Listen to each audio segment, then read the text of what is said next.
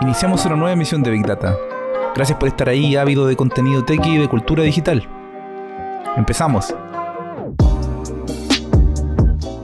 Hola, ¿qué tal? Bienvenidos a Big Data en su segunda temporada. Como ya les comenté en el primer capítulo, muchas gracias por sus mensajes. Nuestro capítulo anterior tuvo una muy buena recepción por parte de ustedes, así que les agradecemos y estamos muy contentos de que así haya sido. Dicho eso, me gustaría comenzar este segundo capítulo contándoles algunas cositas bien interesantes. Primero que todo, recordarles que estamos en Instagram, somos arroba bigdata-podcast. También estamos en Spotify, en Apple Podcast, en Google Podcast y en Anchor.fm. Ahí nos puedes encontrar en todas estas plataformas, entre otras también que nuestro podcast se distribuye. Así que nada, dicho eso, comenzamos.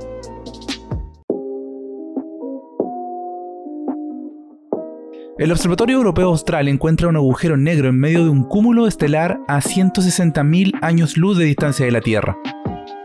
Este hallazgo se ha logrado utilizando el Observatorio Europeo Austral y su descubrimiento abre un abanico de posibilidades para explorar y encontrar otros agujeros ocultos en la inmensidad del universo. Es además la primera vez que se utiliza este método para hallar un agujero negro fuera de la galaxia a la cual pertenecemos, digamos donde está la Tierra, y servirá también para realizar nuevas investigaciones en cúmulos estelares dentro de nuestra Vía Láctea. Ayudará por lo demás a comprender mejor la manera en que se forman los agujeros de gusano y cómo evolucionan con el paso del tiempo. La ubicación específica de este agujero negro es una galaxia identificada con el nombre de NGC 1850 y de acuerdo con lo que han dicho los científicos se encuentra a 160.000 años luz de distancia de la Tierra. Por lo demás, este agujero negro se encontraría en una región conocida como la Gran Nube de Magallanes. Los científicos europeos a cargo de este descubrimiento explicaron que el método utilizado es realmente sorprendente, principalmente porque es muy complicado de mirar directamente hacia un agujero negro.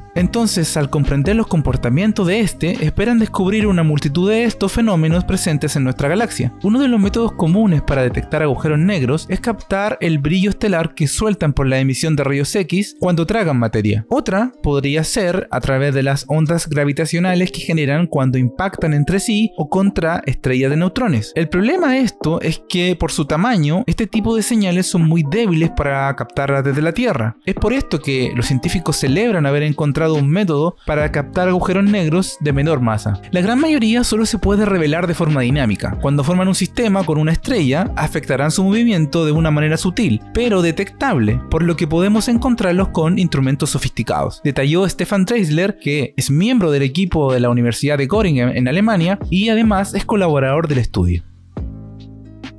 Cierre de COP26. Se consigue un acuerdo global para intentar evitar una catástrofe climática.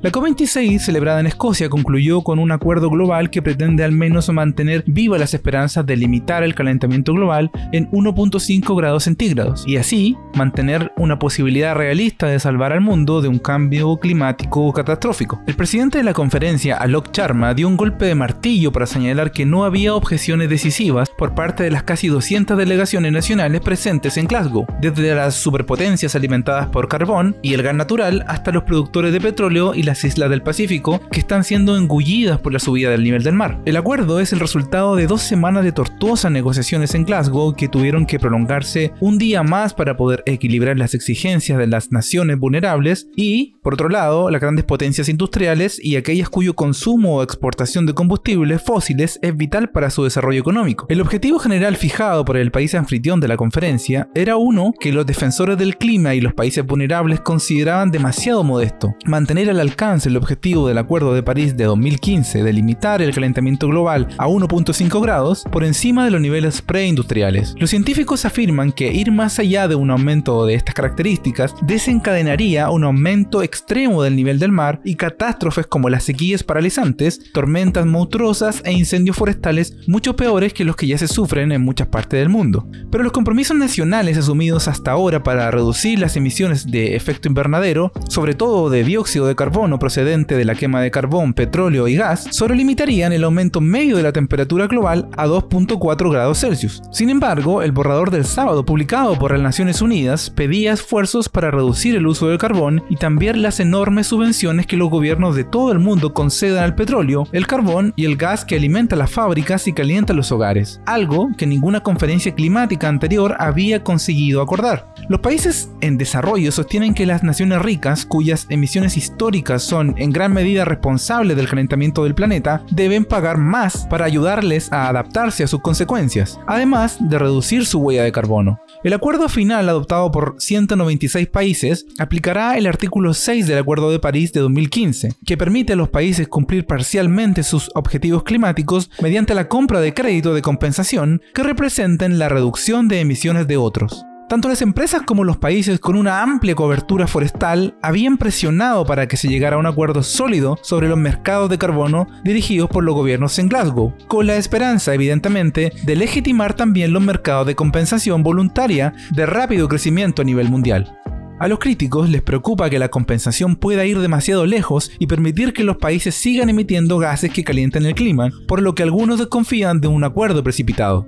En cuanto al desacuerdo sobre la forma en que se deben grabar ciertos intercambios de carbono para financiar la adaptación al clima en las naciones más pobres, el acuerdo ofreció un compromiso con enfoque de dos vías. Los intercambios bilaterales de compensaciones entre países no estarán sujetos al impuesto. El acuerdo sugiere que las naciones en desarrollo han capitulado ante las naciones ricas. Matt Williams, experto en clima de la Unidad de Inteligencia sobre Energía y Clima, dijo que el acuerdo final era mejor que lo que ya teníamos, pero está muy lejos de ser perfecto. Hemos visto que las peores posibilidades de doble contabilización de los recortes de emisiones se han reducido o evitado, pero eso no significa que se haya descartado por completo.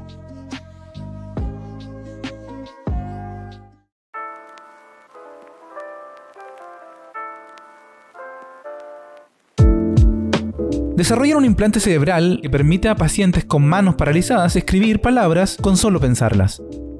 Científicos de la Universidad de Stanford, ubicada en California, Estados Unidos, han desarrollado un implante cerebral que le permite a los pacientes con las manos paralizadas escribir palabras con solo pensarlas. De acuerdo con los hallazgos publicados en la revista Nature y presentados además en una teleconferencia científica, un voluntario pudo escribir hasta 90 caracteres en un solo minuto. Este implante de Stanford significa un gran avance en comparación con los implantes cerebrales anteriores diseñados para el mismo objetivo, pero que sin embargo se basaban en que los pacientes usaran sus pensamientos para mover cursores hacia caracteres específicos en un teclado digital. Con este nuevo implante, las personas podrían escribir libremente y comunicarse a través de texto simplemente pensando en las palabras que quieren usar. Los académicos de Stanford utilizarán exactamente un BCI intracortical que decodifica los movimientos de escritura y la actividad neuronal en la corteza motora. Luego, el implante toma esa información y lo traduce a texto en tiempo real, permitiendo a la persona con el implante pensar en escribir una letra o una palabra que posteriormente se traduce a texto, lo que permite una comunicación mucho más rápida por parte del usuario. Krishna Shenoy, neurocientífica e ingeniera, habló al respecto durante la teleconferencia. Cuando realmente entendamos al cerebro a través de la neurociencia en las próximas décadas, deberíamos poder hacerlo mucho mejor en una variedad más amplia de tareas. Shenoy cree que este descubrimiento es solo la punta del iceberg. Con más pruebas e ingeniería, los implantes que utilizan podrían proporcionar resultados aún más sólidos. La neurocientífica se aseguró que el método que utilizan los científicos actualmente ha demostrado ser seguro para las personas. Sin embargo, para comercializar este tipo de implantes, los científicos deberán insertar de forma segura más electrodos en el cerebro y reducir los costos de las neurocirugías. Pfizer firma acuerdo para facilitar el acceso mundial a su pastilla contra la COVID-19. Pfizer ha firmado un acuerdo de licencia voluntaria que debe permitir el acceso a su píldora anti-COVID más allá de los países ricos una vez haya sido autorizada. El gigante farmacéutico estadounidense ha hecho el anuncio este día martes. Los fabricantes de medicamentos genéricos que reciban sublicencias podrán ofrecer el nuevo medicamento en asociación con el ritonavir, precisó un vocero de la compañía durante el encuentro con la prensa en Ginebra. A principios de noviembre, Pfizer, que ya comercializaba con el grupo alemán BioNTech una de las vacunas más eficaces contra la COVID-19, indicó que su antiviral tenía una eficacia del 89% para prevenir una hospitalización o deceso entre los adultos que presentan un riesgo elevado de desarrollar una forma grave de la enfermedad. Con este acuerdo, Pfizer avanza en la misma senda que su competidor Merck, que selló un pacto similar para su propio anticovid oral. El acuerdo incluye a todos los países de renta baja, media baja y de renta media alta, así como también a los países de renta media alta que han alcanzado este estatus en los últimos cinco años, detalló la compañía. Pfizer no recibirá regalías por las ventas en los países de bajos ingresos y renunciará a sus regalías por las ventas en todos los países cubiertos con el acuerdo, mientras el COVID-19 siga siendo considerado como una emergencia de salud pública por parte de la Organización Mundial de la Salud. Al igual que el antiviral de Merck, el tratamiento de Pfizer se comercializará como Paxlovid y debe administrarse en un plazo de 3 a 5 días desde la aparición de los primeros síntomas. Además, los tratamientos de Merck y Pfizer tendrán pocos efectos secundarios y se prevén 10 dosis durante 5 días. Como siempre, recuerda que somos arroba bigdata-podcast en Instagram y Big Data en Spotify, Apple Podcast y Google Podcast. Si te gusta lo que escuchas, comparte y difunde nuestro contenido. Muchas gracias por estar ahí.